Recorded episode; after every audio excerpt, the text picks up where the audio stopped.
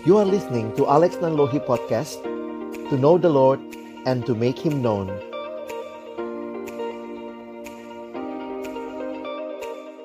Mari kita berdoa sebelum kita membaca merenungkan firman Tuhan.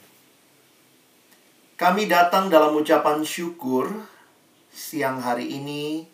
Terima kasih Tuhan karena pimpinanmu begitu nyata dan sempurna di sepanjang hidup kami. Melalui berbagai pergumulan, Tuhan sudah membawa kami secara khusus bagi adik-adikku yang sudah melewati proses belajar mengajar di tingkat SMA. Kami sangat menyadari langkah-langkah kami ke depan adalah langkah-langkah yang mungkin masih belum begitu jelas bagi kami. Tetapi satu hal yang pasti, tangan kasih Tuhan, penyertaan-Mu selalu ada bagi kami dan Engkau tidak meninggalkan kami. Dan itu cukup untuk kami melangkah maju di dalam berbagai ketidakjelasan yang ada di depan. Karena itu kami juga berdoa siang hari ini ketika kami sama-sama akan belajar dari firman-Mu, kami juga akan boleh mendengar wawasan-wawasan berkaitan dengan dunia kampus. Kami terus berdoa Tuhan menolong, memberikan kepada kami pengertian yang dalam. Dan juga kami berdoa supaya kami bisa meresponi setiap bagian ini dengan baik di dalam kehidupan kami secara pribadi. Kami sungguh menyerahkan waktu ini. Tuhan yang memimpin, hambamu yang menyampaikan, setiap kami yang mendengar. Tolong kami semua agar kami bukan hanya jadi pendengar-pendengar firman yang setia, mampukan dengan kuasa pertolongan dari rohmu yang kudus. Kami dimampukan menjadi pelaku-pelaku firman-Mu di dalam hidup kami, di dalam masa muda kami. Bersabdalah ya Tuhan, kami umatmu sedia mendengarnya dalam satu nama yang kudus, Nama yang berkuasa nama Tuhan kami Yesus Kristus. Kami menyerahkan pemberitaan firman-Mu. Amin. Shalom teman-teman, selamat siang. Pertama-tama Kak Alex sangat bersyukur boleh sharing firman Tuhan hari ini dengan teman-teman sekalian. Dan ini satu tema yang penting untuk kita sama-sama hidupi dan kita pahami Tentunya bukan hanya karena kalian lagi berada di masa-masa uh, antara ya untuk memilih bagaimana melanjutkan perjalanan studimu ke depan, tetapi juga ini bicara sesuatu yang penting untuk sepanjang hidupmu. Jadi ini bukan hanya bagi adik-adik kelas 12 atau mungkin yang masih ada di SMA. Ini juga buat kakak-kakak, buat teman-teman mahasiswa, bahkan juga buat Kak Alex yang berkhotbah hari ini mengerti apa artinya living in God's purpose ya. Di tengah-tengah begitu banyak hal yang mungkin masih belum jelas bagi kita. Nah, Kak Alex ingin mulai dengan ajak kita sharing dulu. Wah, ini ada berapa orang nih? Ada sekitar 46 orang. Yuk kita sharing ya. Tapi gimana nih sharingnya ya? Waktu yang terbatas, ruang terbatas. Kalex ingin tahu kabar teman-teman ya. Silakan boleh ungkapkan kabarmu. Gimana caranya? Nah, lihat nih ya.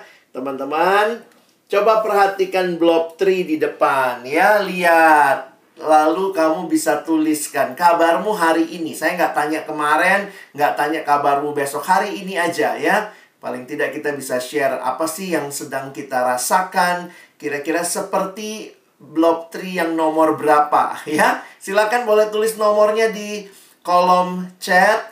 Silakan kita boleh share nomor berapa yang teman-teman saat ini sedang rasakan. Ke Alex kasih waktu satu menit ke depan kita boleh share. Yang mungkin lagi offline dalam satu ruangan bisa share sama temanmu di sebelah kiri dan kanan nomor berapa yang kamu pilih ya. Coba silakan. Boleh? Boleh langsung ditulis di kolom chat Nomor berapa yang jadi perasaanmu hari ini? Oke, bisa lihat. Silakan yang mau share nomor berapa yang mewakili perasaanmu hari ini. Ada yang nomor 10. Wah, Samuel nomor 10 ya. Oke, nomor 20. Thank you, Monik. Silakan yang lain bisa lihat, jangan kelamaan lihat gambarnya, cuma tanya kabar ini ya. Oh, nomor 10, Cantika. Thank you. Yang lain, ada yang lagi mager mungkin nomor 5? Rasanya pengen tidur aja gitu ya. Ayo, silakan. Kita boleh share sebentar dari apa yang teman-teman rasakan. Nomor 3, Christopher. Oke. Okay. Nomor 10 juga. Oke. Okay. Nah, lagi happy-happy aja ya. Nomor 15. Nomor 3. Oke. Okay. Lagi berjuang naik ini ya. Pelayan altarnya ya. Nomor 2. Oke. Wah, lagi bantu teman. Emang udah dapet nih kuliahnya. Jadi kayaknya bantu teman yang belum dapet gitu ya, Lia. Oke, nomor 4, nomor 20. Wah, ada yang at the top. Nomor 3, nomor 15. Baik. Saya kasih waktu 30 detik lagi. Nomor 9. Oke, silakan. Wah, lagi mengayun-ayun ya. silakan teman-teman. 30 detik lagi kita boleh share. Nah, baik. Terima kasih buat teman-teman yang sudah sharing.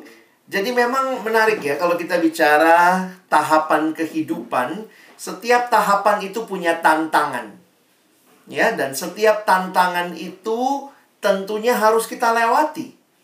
Tentu sebagai orang-orang yang mau maju, kita bukannya mundur waktu ada tantangan, tetapi mari kita belajar menghadapinya.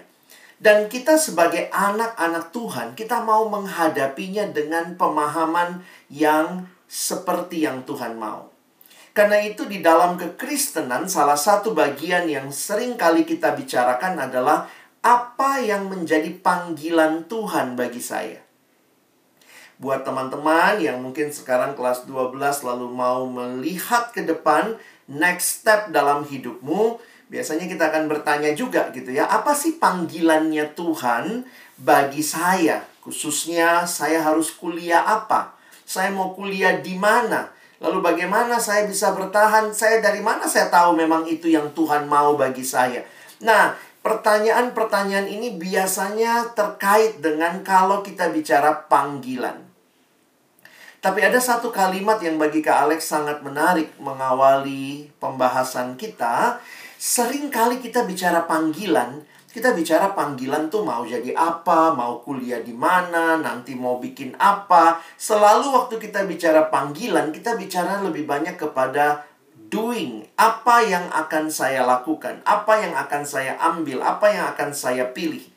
Sering kali kita lupa, kalau bicara panggilan, maka pertama dan terutama, kalau ada panggilan berarti ada yang memanggil. Nah, ini jadi penting ya. Teman-teman perhatikan baik-baik. Calling is not only about doing something, but about being called to somebody. Jadi saya harap sebagai anak-anak Tuhan kita tidak hanya bicara, waduh saya mau jadi apa, saya mau jadi apa, nanti bagaimana, saya mau pilih apa, sampai kita lupa bahwa sebenarnya waktu kita bicara panggilan, pertanyaannya kamu kenal nggak sama yang memanggilmu?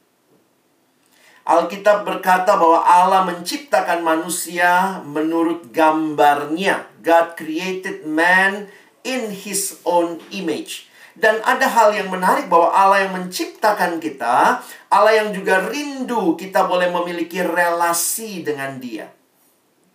Jadi dia bukan hanya Allah yang menciptakan kita tanpa relasi dengan dia, tetapi pencipta kita adalah pencipta yang merindukan memiliki relasi dengan kita. Karena itu kalau kita bicara panggilan, ingat kita bicara tentang Allah yang memanggil. Sebuah kutipan yang ditulis oleh Nicky Gamble, seorang pendeta di Inggris. Dia mengatakan pria dan wanita diciptakan untuk hidup dalam hubungan dengan Allah. Tanpa hubungan tersebut, akan selalu ada rasa lapar, sebuah kekosongan, dan sebuah perasaan yang hilang. Nah, gambarnya mewakili generasimu ya. Bayangkan kalau tidak ada power ya. Bayangkan kalau mati lampu, aduh terus HP belum di-charge, wah rasanya sudah mau mati semua ya. Sehingga ini menjadi gambaran bahwa kita manusia diciptakan dalam hubungan dengan Tuhan. Karena itu kita harus selalu terhubung dengan Tuhan. Itulah kehidupan beriman kita. Saya harap kita tidak lupa bahwa Tuhan yang memanggil kita, Dia memanggil kita untuk memiliki relasi dengan Dia. Kalau begitu, sekarang Alex ingin memberikan sedikit paradigma cara berpikir yang sesuai dengan Alkitab, mengerti tentang arti kehidupan. Nah, saya mulai dengan mengajak kita berpikir begini, sebenarnya sadar atau tidak, ya. Coba teman-teman uh, lihat di dalam dunia ya. Baik kamu sadar atau kamu mungkin belum terlalu sadar, tapi jangan lupa bahwa sebenarnya setiap kita, setiap manusia yang hidup sedang menghidupi sebuah cerita. We are living a story. Believe it or not, percaya atau tidak, kamu pasti sedang menghidupi sebuah cerita. Cerita itu dari mana? Itu bisa cerita dari orang tuamu, cerita dari budayamu, cerita dari pendidikan yang kamu jalani, cerita tentang kehidupan yang kamu pelajari dari bangsamu, dari berbagai buku yang pernah kamu baca, dan bahkan juga dari agama, dari kekristenan yang kita sama-sama pegang. Dan cerita itulah yang sebenarnya memberikan makna kepada setiap detail tindakan yang ada di dalamnya. Saya kasih contoh begini. Kalau kamu selidiki cerita hidupmu, ternyata cerita hidupmu adalah tentang uang. Oh, cerita saya tentang uang. Sehingga kenapa saya studi? Oh, supaya nanti bisa cepat lulus. Waktu lulus nanti masuk kuliah. Waktu kuliah nanti bisa kuliah dengan baik. Nanti kemudian saya lulus. Waktu saya lulus saya bisa kerja yang baik. Lalu kemudian saya punya uang yang banyak. Jadi, tanpa sadar cerita kita terkait dengan uang. Semua yang sedang kita jalani, kita maknai dengan untuk mencapai uang yang kita jadikan tujuan. Karena itu saya kutip kalimat Timothy Keller, dia mengatakan orang tidak bisa membuat apa pun menjadi sesuatu yang masuk akal atau memiliki arti tanpa menempatkannya di dalam semacam alur cerita. Itu udah hukum dunianya. Kamu akan memaknai hidupmu tergantung ceritamu. Jadi apa arti hidupmu? Kalau bagi kamu arti hidup adalah punya banyak uang, maka nanti kau ukur kesuksesan hidupmu dari berapa banyak uang yang kamu punya. Karena ukurannya, ceritanya adalah, alurnya adalah uang. Jadi sebenarnya cerita itu, teman-teman ya, cerita itu memberikan kepada kita cara pandang terhadap hidup. Ya, cerita itu memberikan kepada kita cara pandang terhadap hidup dan sadar atau tidak, setiap kita sedang menghidupi sebuah cerita. Tetapi bagaimana buat kita orang percaya? Saya harap kita paham betul bahwa kalau hidup adalah sebuah cerita, jangan lupa berarti ada dong yang tulis ceritanya. If life is a story, there must be a storyteller. Dan menarik sekali waktu kita melihat apa yang Alkitab sampaikan kepada kita, teman-teman kita melihat bahwa sebenarnya Tuhanlah yang sedang menuliskan sebuah cerita. Seluruh Alkitab sebenarnya menyatakan sebuah cerita besar Allah, God's big story.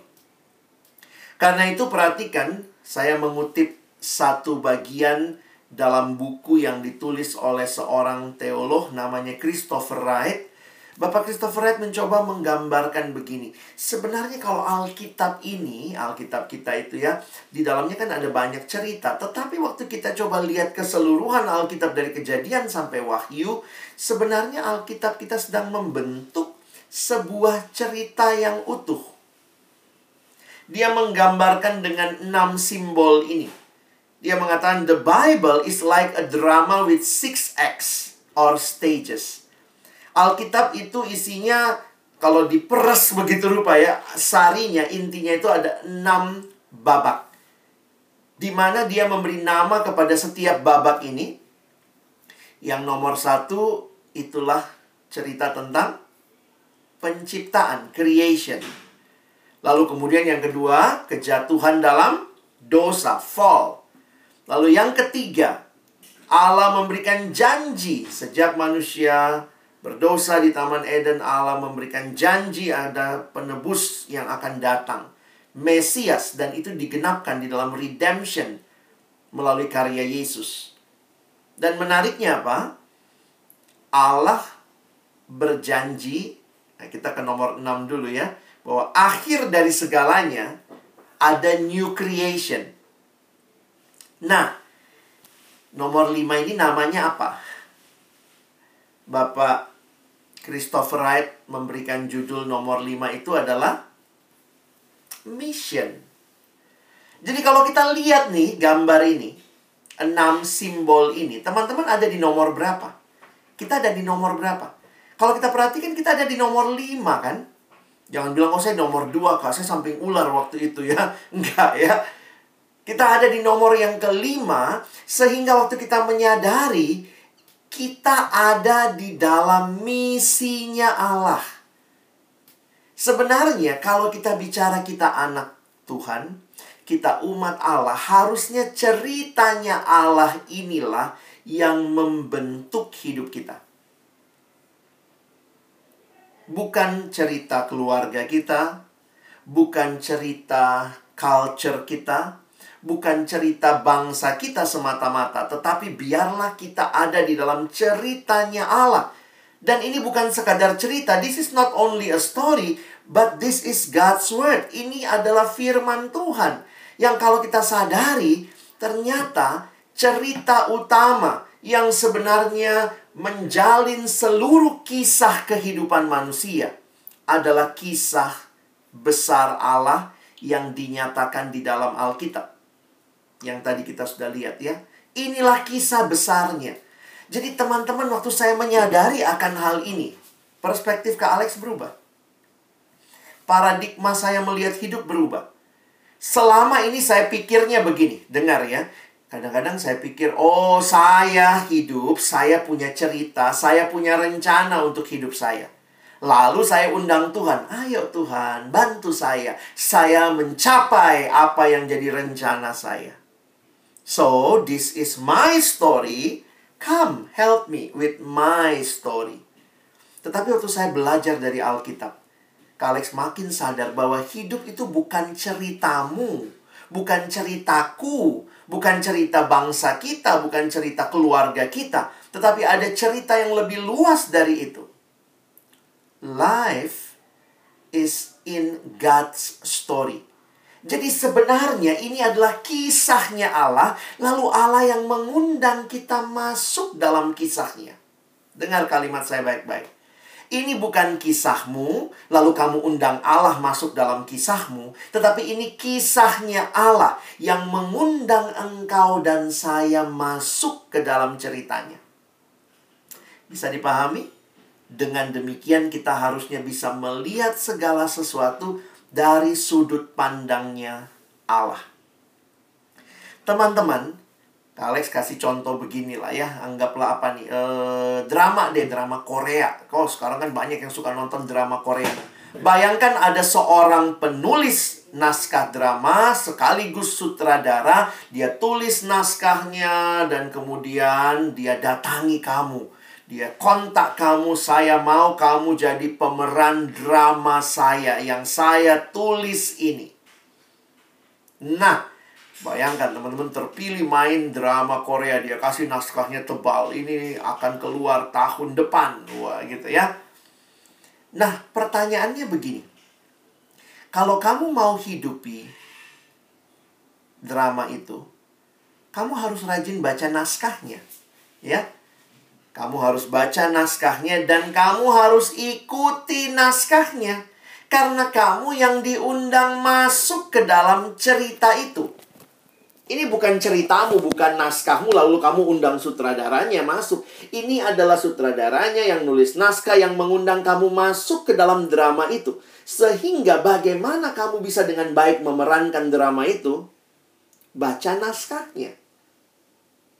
Kamu mau dengan baik bisa memahami apa yang menjadi cerita Allah, menghidupi apa yang jadi cerita Allah, ya rajin-rajin baca Alkitab. Ini naskahnya. Kitab suci naskah yang harusnya kita baca untuk kita mengerti apa yang seharusnya kita lakukan. Jadi teman-teman dari sini aja saya pikir begini ya. Cara kita bertanya harus beda. Bukan cuma begini. Aduh saya mau jurusan ini. Aduh saya mau banget. Kita mau sekali ini jurusan. Pokoknya kita mesti dapat ini jurusan. Lalu Tuhan tolong, tolong Pak kita ya. Tuhan pokoknya kita so doa, kita so puasa, Tuhan tolong. Pertanyaannya seharusnya dibalik. Tuhan, kau punya cerita buat dunia ini termasuk untuk diriku. Tuhan, apa yang kau inginkan? Jurusan apa yang aku harus masuki Tuhan? Pertanyaannya bukan apa yang aku mau, tapi apa yang Tuhan mau. Itu saja sudah berbeda. Dan makanya Kak Alex bilang ya, perspektif ini bukan cuma buat kalian yang lagi cari kuliah, buat teman-teman di sepanjang hidupmu, buat kalian yang mungkin lagi mahasiswa, nanti lagi lanjutkan kehidupan, bukan cuma sekadar saya mau kerja di mana, tapi Tuhan mau saya kerja di mana.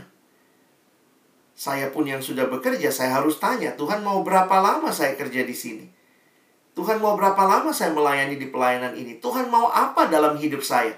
Pertanyaannya bukan apa yang saya mau, tapi apa yang Tuhan mau. Wah, melihat hidup dengan cara seperti itu tuh sangat-sangat berbeda. Ya. Sehingga kalau tidak dapat yang kita mau, kita nggak akan kecewa. Pasti ada kecewanya, tapi tidak akan ke tenggelam dalam kekecewaan lalu kemudian merasa kalau kita tidak dapat jurusan ini matilah kita. Semuanya tidak ada pilihan kedua semuanya seluruh hidupku saya gantungkan ke sana. Saya pikir oh nggak demikian. Kalau engkau mengerti kisahnya Allah maka ketika engkau mungkin gagal pertanyaannya adalah bagaimana Tuhan? What next yang harus saya lakukan? Bagaimana saya melanjutkan kehidupan Tuhan mau saya ke mana nih kalau saya harus nganggur tidak dapat kuliah Tuhan mau saya bagaimana kalau saya harus lulus kuliah, tidak dapat kerja? Kadang-kadang orang pikir enak gitu ya. Aduh, dia sudah dapat kuliah jalur undangan, kita masih tunggu-tunggu ini mau tes ini, mau tes itu. Tapi hidup itu selalu ada pergumulan. Nanti sudah masuk kuliah, ada pergumulan lagi ketemu dosen yang sulit mungkin, kasih tugasnya banyak, nanti kemudian bikin skripsi, mau lulus, wah alami lagi pergumulan, sudah lulus, wah rasanya bebas, eh mau kerja di mana, banyak orang nganggur sekarang, nanti so kerja, begitu di pekerjaan, ada lagi ketemu bos yang nggak terlalu enak, jadi sebenarnya hidup itu jangan dipikir kalau sudah selesai pilih jurusan, so selesai hidup. Oh enggak. Kalau gagal dalam pilih jurusan, tidak dapat yang kita mau, selesai hidup. Saya pikir, wah kalau kamu mengerti hidup seperti itu, terlalu kecil melihat hidup seperti itu. Karena rangkaian perjalanan itu masih ada. Karena itu, mari sadari. Pertama, ini ceritanya Allah. Ini kisahnya Allah. Lalu, bagaimana sikap kita? Nah, sikap kita, saya memilih Mazmur 32. Mazmur 32 ayat 8 dan 9. Perhatikan sikap pemazmur. Bagi Kak Alex orang yang tahu persis Allah punya rencana dalam hidupnya akan meminta seperti yang diminta oleh pemazmur dalam Mazmur 32 ayat 8 dan 9.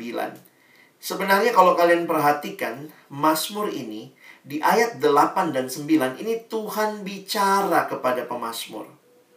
Setelah bagian atasnya, nanti teman-teman bisa lihat Mazmur 32 ya, bagian atasnya pemazmur diampuni dosanya, maka Tuhan mengatakan kalimat ini ayat 8 dan 9. Aku hendak mengajar dan menunjukkan kepadamu jalan yang harus kau tempuh. Aku hendak memberi nasihat, mataku tertuju kepadamu. Janganlah seperti kuda atau bagal yang tidak berakal yang kegarangannya harus dikendalikan dengan tali les atau kekang dan kekang. Kalau tidak, ia tidak akan mendekati engkau. Perhatikan Mazmur ini. Seringkali dalam hidup kita suka berpikir begini ya. Nah, ini cara pikir lagi. Kadang-kadang kita berasa begini, Tuhan itu punya rencana. Iya kak, kita tahu Tuhan punya rencana. Tapi rasanya begini, Tuhan itu lagi sembunyikan rencananya dari kita. Dia lagi sembunyikan rencana dari kita, lalu kita mesti baik-baikin dia. Ayo Tuhan, kasih tahu ini kita so puasa ini Tuhan. Ayo nih, Tuhan kita so bikin ini, kita so bikin ini. Kadang-kadang kita merasa Tuhan sedang menyembunyikan. Lalu kita tuh mesti baik-baikin Tuhan, kita mesti bujuk-bujuk, ayo dong Tuhan, ayo, ayo. Terus nanti Tuhan bilang, ya ini, ini, ini, ini kita kasih tahu nih, kita kasih tahu. Jadi memang di dalam memahami hal ini ada dua istilah yang sering kali muncul. Yang satu bilang begini, saya sedang mencari kehendak Tuhan, mencari kehendak Allah, tetapi ada juga istilah yang menggunakan saya mengetahui kehendak Allah. Nah, kira-kira kalau kalian lihat penjelasan Kak Alex tadi, yang mana yang lebih tepat? Kalau kamu mengertinya mencari kehendak Allah seolah-olah Allah lagi tutupi, Allah lagi menutupi kehendaknya lalu kita mesti bujuk-bujuk sama Tuhan, kita mesti kayak sogok Tuhan supaya dia kasih tahu kehendaknya. Mungkin pemahamanmu adalah finding God's will. Karena Allah lagi menyembunyikan, tetapi dari ayat yang kita baca tidak begitu. Tuhan mau mengajar, Tuhan mau menunjukkan, dia tidak sedang menyembunyikan dia mau memberi nasihat. Jadi saya lebih setuju knowing God's will. Bagian kita adalah percaya bahwa ada kehendak Allah. Tuhan bilang kok, aku hendak mengajar, aku hendak memberi nasihat. Jadi jangan jangan mencurigai Tuhan ya. Seolah-olah Tuhan tuh lagi sembunyi dari kita. Lalu kita tuh mesti coba kayak main petak umpet cari ini, cari mana nih kehendak Tuhan. Tidak ada kehendak yang hilang. Tuhan sudah kasih tahu sama kita. Nah, di mana Tuhan kasih tahu? Ada hal-hal yang sangat jelas Tuhan sudah kasih tahu dalam firman-Nya. Makanya kalau orang ada anak SMA datang sama Kak Alex, aduh Kak Alex kita ingin tahu nih Tuhan mau apa for, uh, for kita pe hidup ke depan. Tuhan nggak tahu nih Kak, saya nggak tahu Tuhan mau apa buat hidup saya.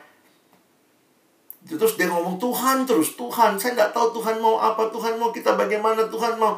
Terus kemudian saya bilang sama dia, oh oke, okay. kamu rajin baca Alkitab. Terus dia bilang, ah itulah kak, kita sini sibuk sekali, so kelas 12 ini kak. Oh sibuk sekali. Mau tahu kehendak Tuhan, tidak mau baca firman Tuhan. Apa itu? Katanya mau tahu kehendak Tuhan. Tuhan so kasih tahu di mana di firman baca.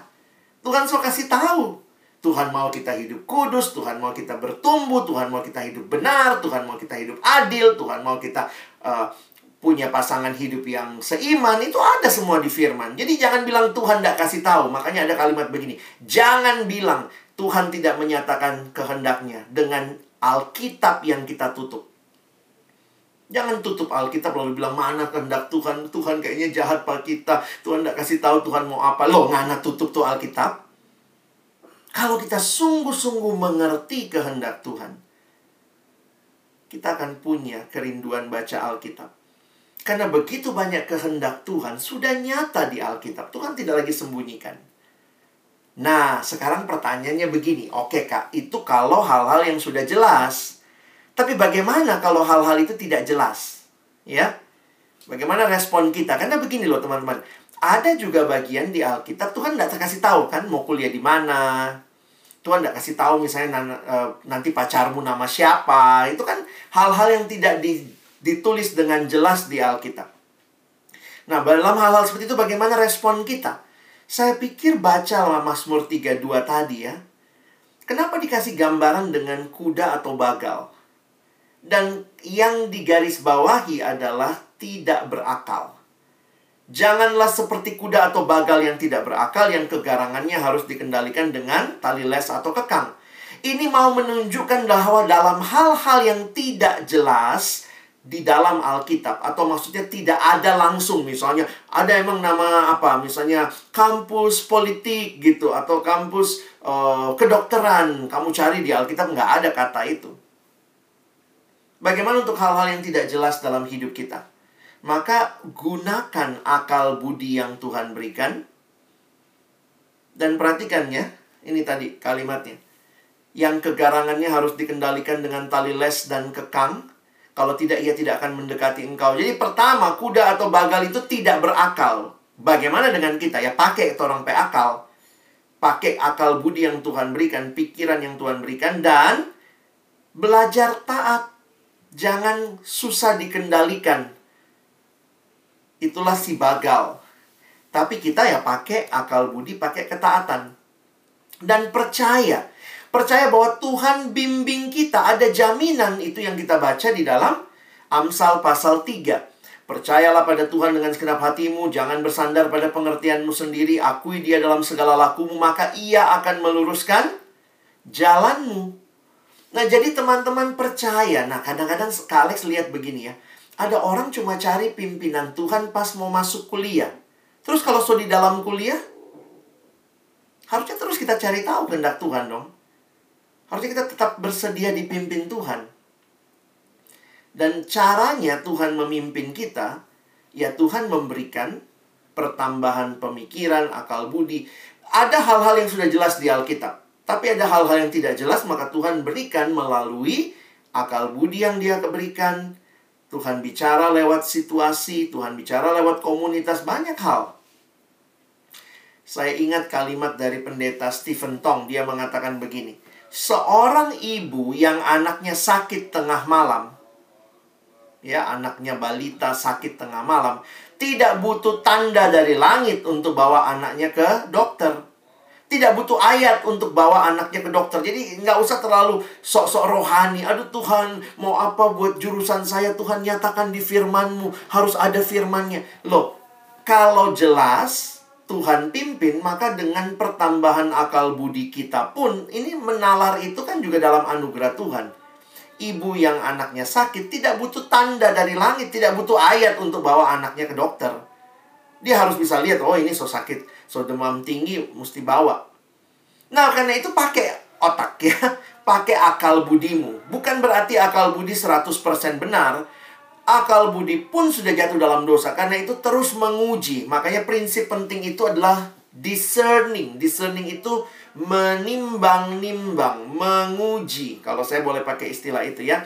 Mari kita belajar dengan menimbang-nimbang, dengan lihat Alkitab, lihat komunitas. Nanti Kak Alex kasih prinsipnya ya.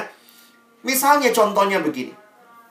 Kadang-kadang kalau anak SMA juga suka bingung gitu ya. Aduh, mau kuliah apa, mau kuliah apa. Kadang-kadang kan coba pakai akalmu, pakai otakmu. Kamu mau jadi apa?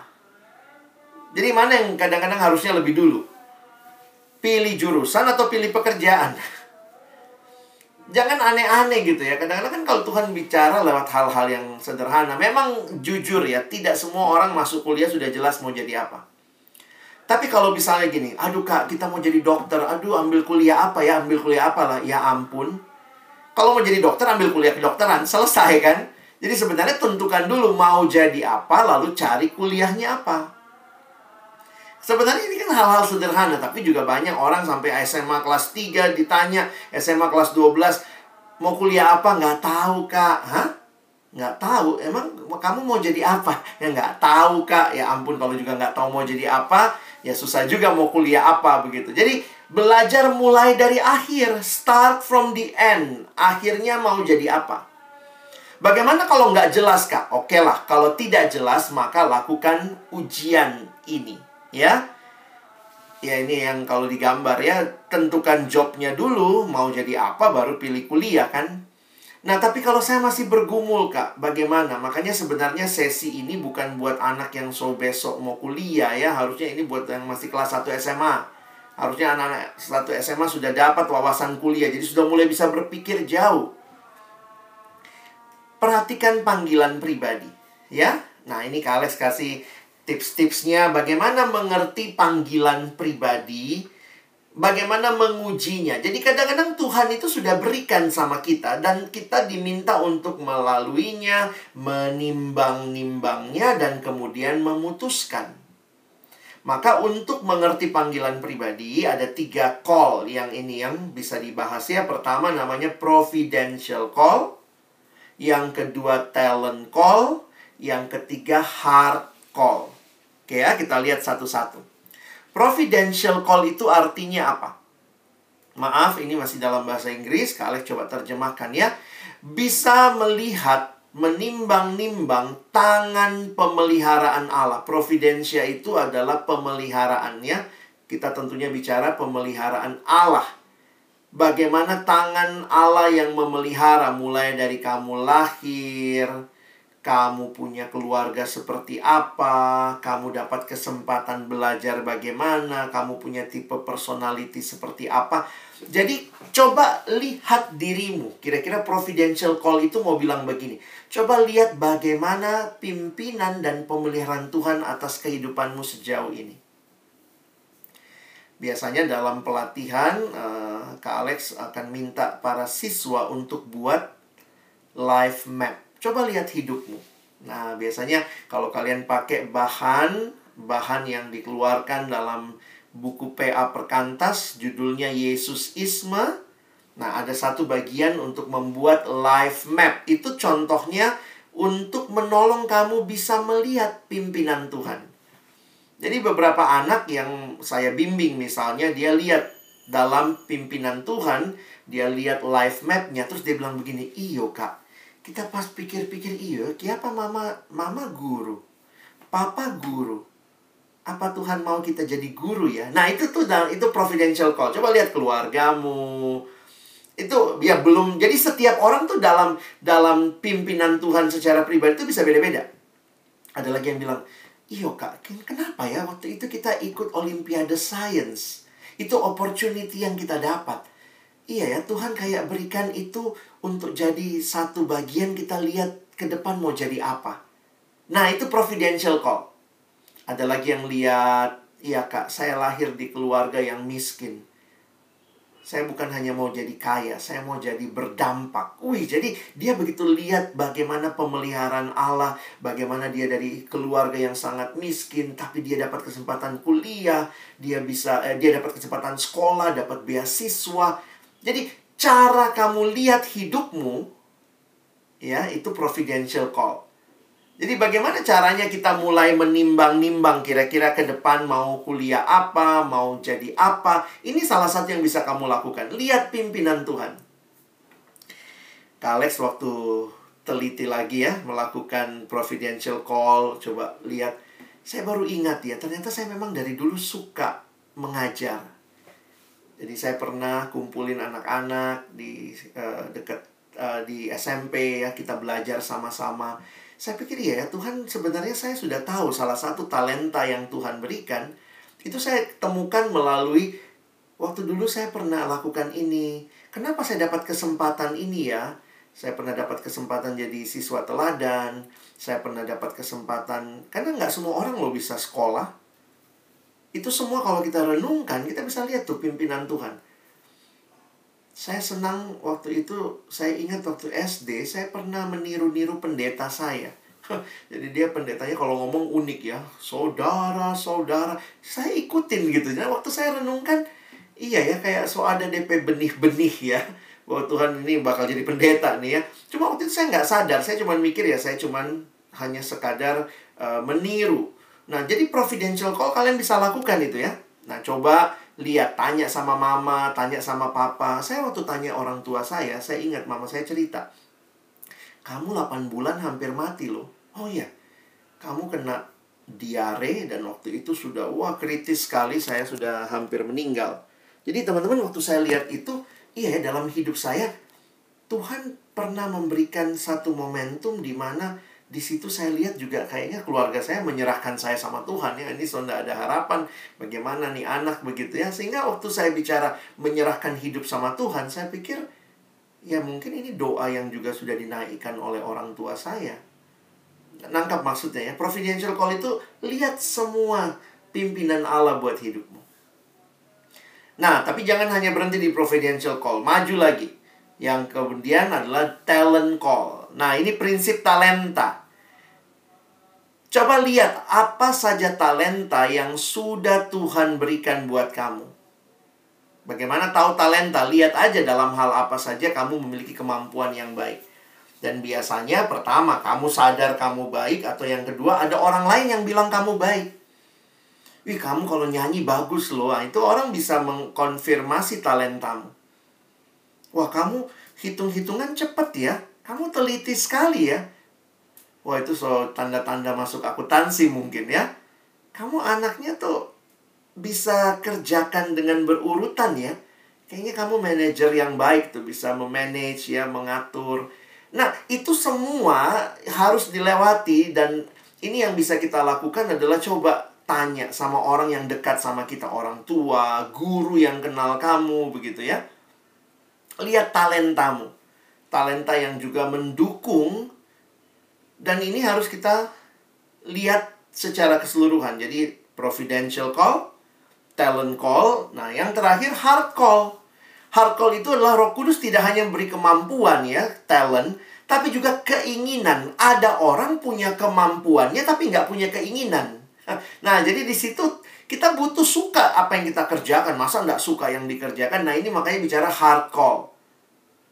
Jadi lihat apa saja yang menjadi minatmu, bebanmu, kepedulianmu, kesukaanmu. Di situ bisa juga menunjukkan, aduh, saya suka sekali tolong orang, Kak. Oh, oke. Okay. Ternyata kamu punya kemampuan dalam biologi ya, mungkin jadi dokter. Kalau nggak dokter gimana?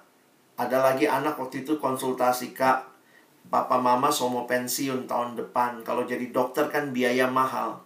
Saya rasa susah jadi dokter. Waktu zaman itu kan masih susah beasiswa ya. Jadi dia punya kemampuan, dia punya hati, dia punya kemampuan, tapi dia tahu secara providential ya, walaupun waktu itu dia bilang kayaknya susah. Adik-adik masih ada yang mesti sekolah juga. Kalau saya masuk dokter takutnya nanti orang tidak sekolah. Jadi dia pertimbangkan tuh pakai otaknya pertimbangkan. Dia doa dia puasa. Akhirnya dia bilang gini kak saya masuk farmasi karena itu lebih mudah. Oh sorry bukan farmasi. Saya masuk FKM jadi kalau dokter manusia FK itu untuk manusia dia masuk FKM dokter untuk masyarakat. Jadi masyarakat juga sakit.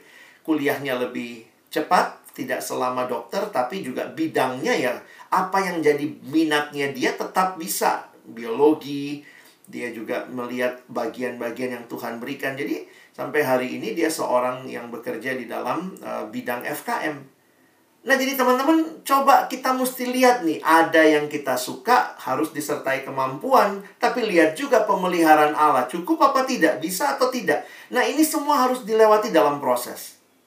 Kak Alex kasih beberapa contoh.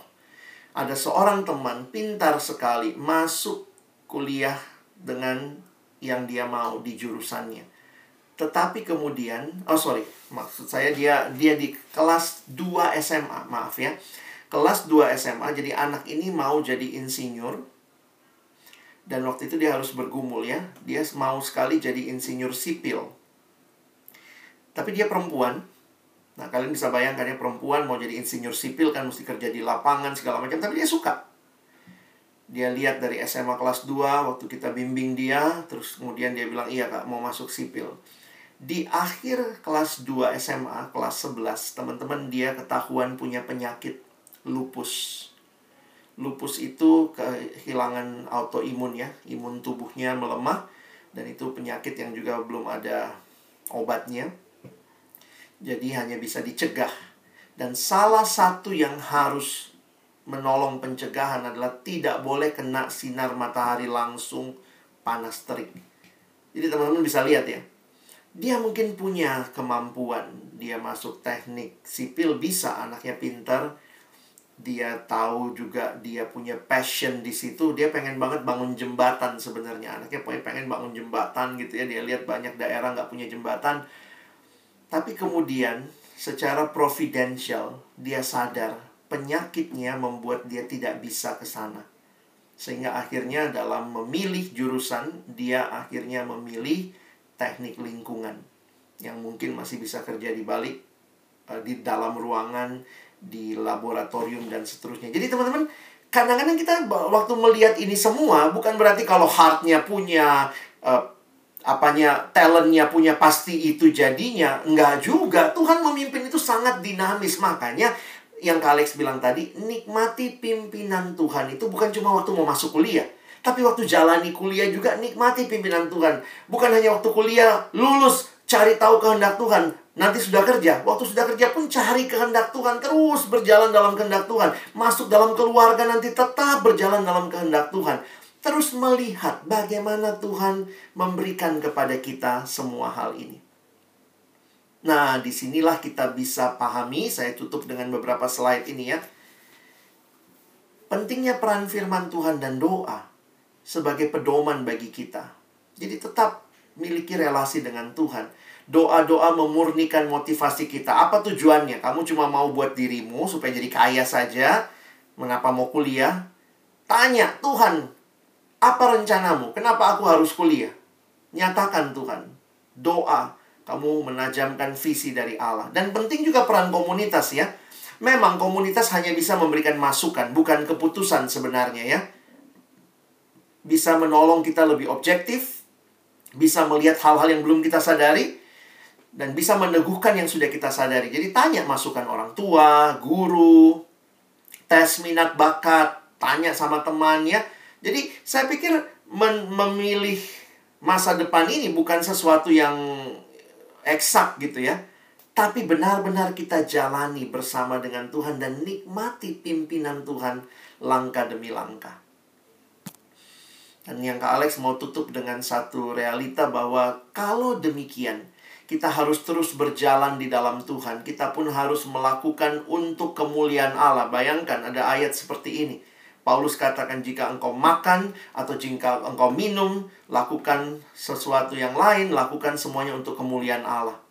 Kalau anak Jakarta bilang ini receh banget ya, makan untuk kemuliaan Allah, minum untuk kemuliaan Allah. Masa kuliah hanya untuk jadi kaya, kesenangan diri?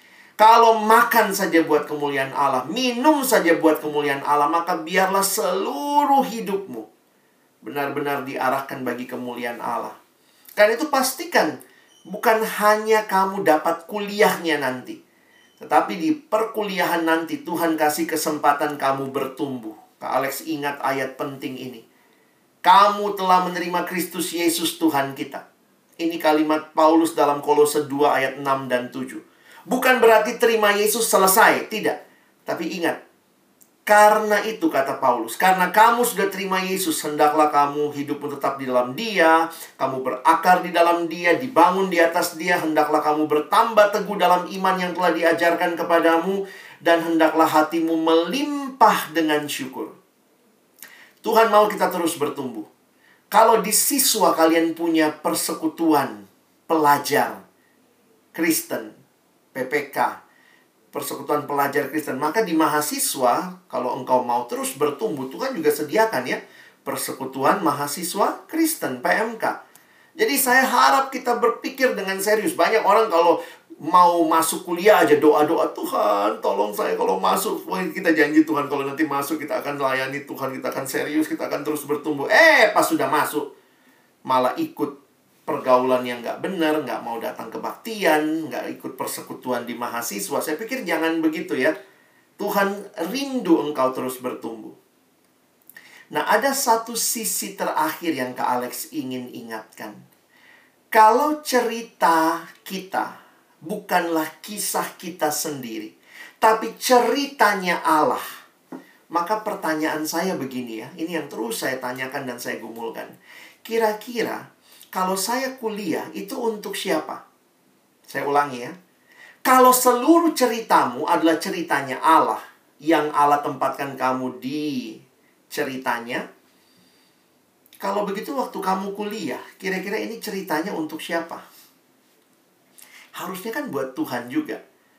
Karena itu ketika menggumulkan satu aspek yang perlu mungkin kalian doakan adalah ini. Kebutuhan dunia berkuliahlah dalam satu perspektif Tuhan. Tolong, ketika saya kuliah ini, bukan hanya supaya saya bisa dapat makan, saya bisa dapat kerja, nanti saya bisa hidup dengan S1 saya, tapi berdoalah supaya S1-mu, perkuliahanmu, kalau kamu masuk mungkin D3 juga, apa pun pendidikan yang kamu akan jalani, Tuhan pakailah itu menjawab kebutuhan dunia seorang adik yang saya layani, dia lihat Indonesia. Dia bilang, saya sedih bang, banyak orang nggak punya duit, nggak bisa dapat pelayanan kesehatan. Jadi saya bilang sama dia, apa yang menjadi tindakanmu? Dia bilang, saya akan kuliah kedokteran dan saya akan jadi dokter yang melayani orang-orang yang terpinggirkan Teman-teman bisa lihat. Dia merencanakan masa depannya. Melihat kebutuhan yang dibukakan bagi dia di tengah dunia. Bukan kuliah supaya saya nanti bisa kaya, S1, S2, saya punya banyak uang, pokoknya saya suka ini. Bukan hanya karena saya suka, tetapi karena ada cerita Allah. Kalau engkau jadi S1 bidang komputer, kalau kamu jadi S1 bidang ekonomi, apa yang sedang Tuhan rancangkan melalui kuliahmu? Kebutuhan dunia apa? Kebutuhan Indonesia apa yang sedang Tuhan jawab melalui hidupmu? Karena itu saya simpulkan ya. Tadi kita ingat kenal Allah, kenal dirimu, passion callmu, uh, talent callmu, heart callmu. Tapi juga Kak Alex ingin ingatkan, kenallah kondisi dunia ini. Kondisi bangsa Indonesia di mana engkau hidup. Ada beberapa adik yang dengan lantang berkata, Kak, saya mau jadi dokter setelah lihat pandemi ini ketika keluarganya harus dirawat. Dia bilang, saya tertantang jadi dokter karena saya tahu dengan saya jadi dokter, saya bisa jawab kebutuhan dunia ini. Kesehatan begitu penting. Ada lagi yang dapat, Kak, saya dapat visi bidang teologi ya. Oh, begitu banyak orang belum dengar Injil. Tuhan pakai saya. Saya mau kuliah bidang teologi ya, Kak. Supaya saya bisa beritakan Injil. Puji Tuhan. Ada lagi yang datang, Kak, saya mau ambil FKIP. Kenapa? Saya tahu begitu banyak penderitaan. Salah satunya karena orang kurang pendidikan. Saya mau jadi guru yang memberi hidup saya. Saya mau jawab kebutuhan itu. Kalau kau bisa merangkai cita-citamu di dalam ceritanya Allah demi menjawab kebutuhan yang Tuhan rindukan, saya pikir engkau bisa ngerti living in God's purpose. Video ini yang akan diputar berikut ini adalah video yang selalu kami putar di setiap camp pengutusan siswa. Mengingatkan adik-adik siswa, engkau ada bukan hanya untuk dirimu, tetapi engkau ada jurusan yang kau pilih. Biarlah itu ada dalam kaitan rencana agung Allah membangun dunia yang Dia kasihi. Kita akan menutup dengan melihat video berikut saya persilakan. Tidak kebetulan Tuhan hadirkan engkau di bangsa ini. Jumlah orang di bangsa ini ada kurang lebih 260-an juta yang bisa kuliah kurang dari kira-kira hanya 8%. Karena itu itu hak istimewa bisa kuliah. Biarlah waktu kamu dapat kesempatan itu. Itu bukan cuma sekadar untuk diri sendiri, memperkaya diri tapi rangkailah masa depanmu di dalam ceritanya Allah secara khusus untuk Indonesia.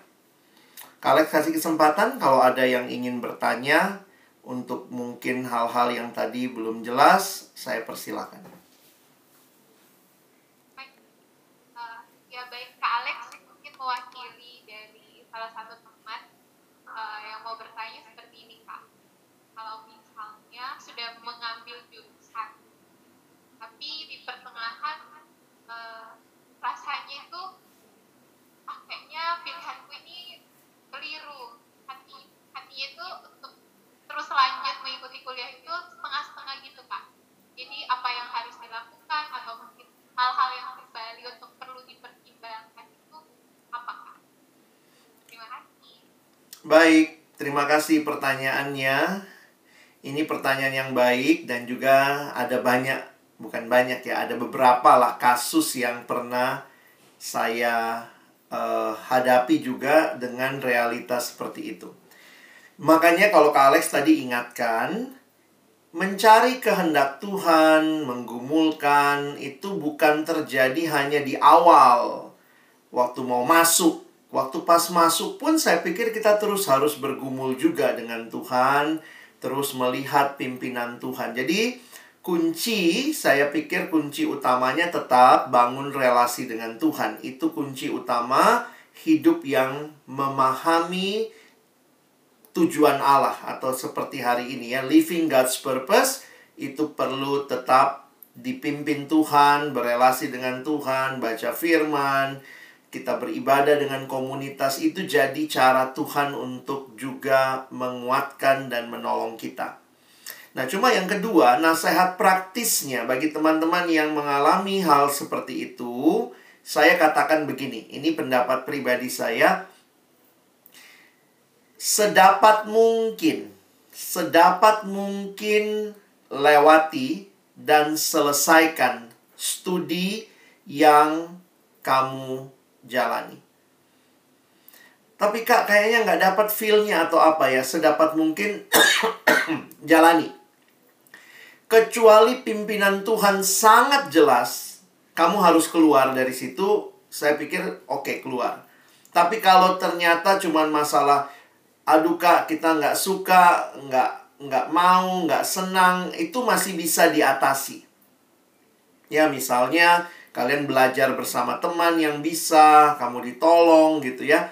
Jadi uh, saya tahu pasti itu perjuangan yang berat, tetapi nasihat saya yang paling praktis selesaikan. Kecuali sangat jelas pimpinan Tuhan. Ada orang yang ya saya layani dia sangat jelas pimpinan Tuhan, dia harus keluar dari situ. Oke, okay, no problem. Tetapi dalam kasus pada umumnya selesaikan dulu studi itu. Bagaimana dengan hal-hal yang saya sukai? Mungkin dia masuknya misalnya sosiologi, dia nggak suka sosiologi. Awalnya milih nggak tahu, waktu masuk ternyata nggak terlalu suka. Dia lebih senengnya misalnya politik. Maka hal yang kamu senangi, kembangkanlah sebagai hobi dan wawasan. Jadi selesaikan studi sosiologimu, tapi kamu bisa tetap belajar politik, baca-baca. Jadi, jadi poinnya adalah jangan kemudian hanya karena kalau kamu meninggalkan berarti kan kamu harus tes ulang dan segala macam. Nah, itu bagi saya tidak mudah, belum lagi menjelaskan kepada keluarga. Nah, itu yang saya pikir secara praktis sedapat mungkin selesaikan. Ya.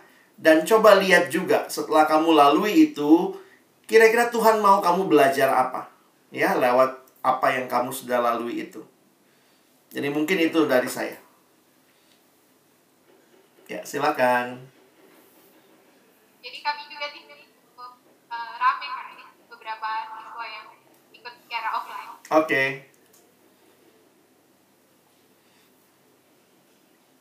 Uh, jadi kak saya mau bertanya, uh, kalau misalnya kita itu uh, mempunyai cita-cita di sebuah universitas, tapi orang tua kita tuh maunya kita tuh di universitas yang sudah mereka tentukan. Jadi bagaimana itu haruskah kita mengikuti orang tua kita atau harus tetap teguh pada pendirian? Oke. Terima kasih pertanyaannya. Ini memang pertanyaan yang sering ditanyakan di konteks kita Indonesia, di mana memang anak masih dibiayai kuliah oleh orang tua. Jadi sering kali ketika kemauan orang tua dan anak berbeda, nah itu cenderung jadi potensi masalah. Sedapat mungkin, sedapat mungkin belajar saling mendengar. Saya pikir ini dulu ya. Seringkali gini, saya punya kemauan. Orang tua punya kemauan. Jadi kadang sebelum kita dengarkan alasan orang tua, kita dengarkan apa yang menjadi pertimbangan orang tua, langsung kita nggak mau dengar, nggak mau dengar. Pokoknya ini orang tua nggak suka sama yang saya pilih. Jadi saya harus mengatakan kembangkan kerinduan untuk melihat lebih jelas dengan mendengar. Coba belajar dengarkan alasan mereka. Walaupun mungkin kau nggak setuju, dengar aja dulu. Oh, seperti itu alasan pertimbangan mereka. Nah, yang kedua, kamu yang paling tahu orang tuamu. Kamu yang paling tahu orang tuamu. Apakah mereka tipe yang bisa diajak ngomong atau tidak? Dan saya pikir ketika akhirnya kita harus memutuskan, mungkin kalau orang tuamu sangat otoriter, tidak mau dengar kamu, dan harus keluar ultimatum kalau nggak di sini nggak usah kuliah dan seterusnya. Nah, saya pikir itu perlu pergumulan yang dalam ya. Saya tidak menganjurkan juga kalian pulang sini berantemin sama orang tuamu. Saya juga tidak tahu kondisi keluarga. Kenapa misalnya orang tua mintanya di sana? Apakah mungkin lebih murah? Apakah mungkin lebih dekat? Apakah mungkin jadi kita perlu mendengar sebenarnya alasan-alasan itu dan kemudian nanti kita bawa lagi dalam doa di hadapan Tuhan dan akhirnya kita bisa berkata ini pilihan yang saya lihat terbaik. Kalaupun itu ternyata harus mengikuti yang orang tua mau, sekali lagi itu bukan masalah menang kalah. Ya, tetapi sebagaimana kita percaya Tuhan memimpin di setiap langkah, termasuk di langkah-langkah yang kesannya bukan maunya saya, itu pun bisa Tuhan pakai.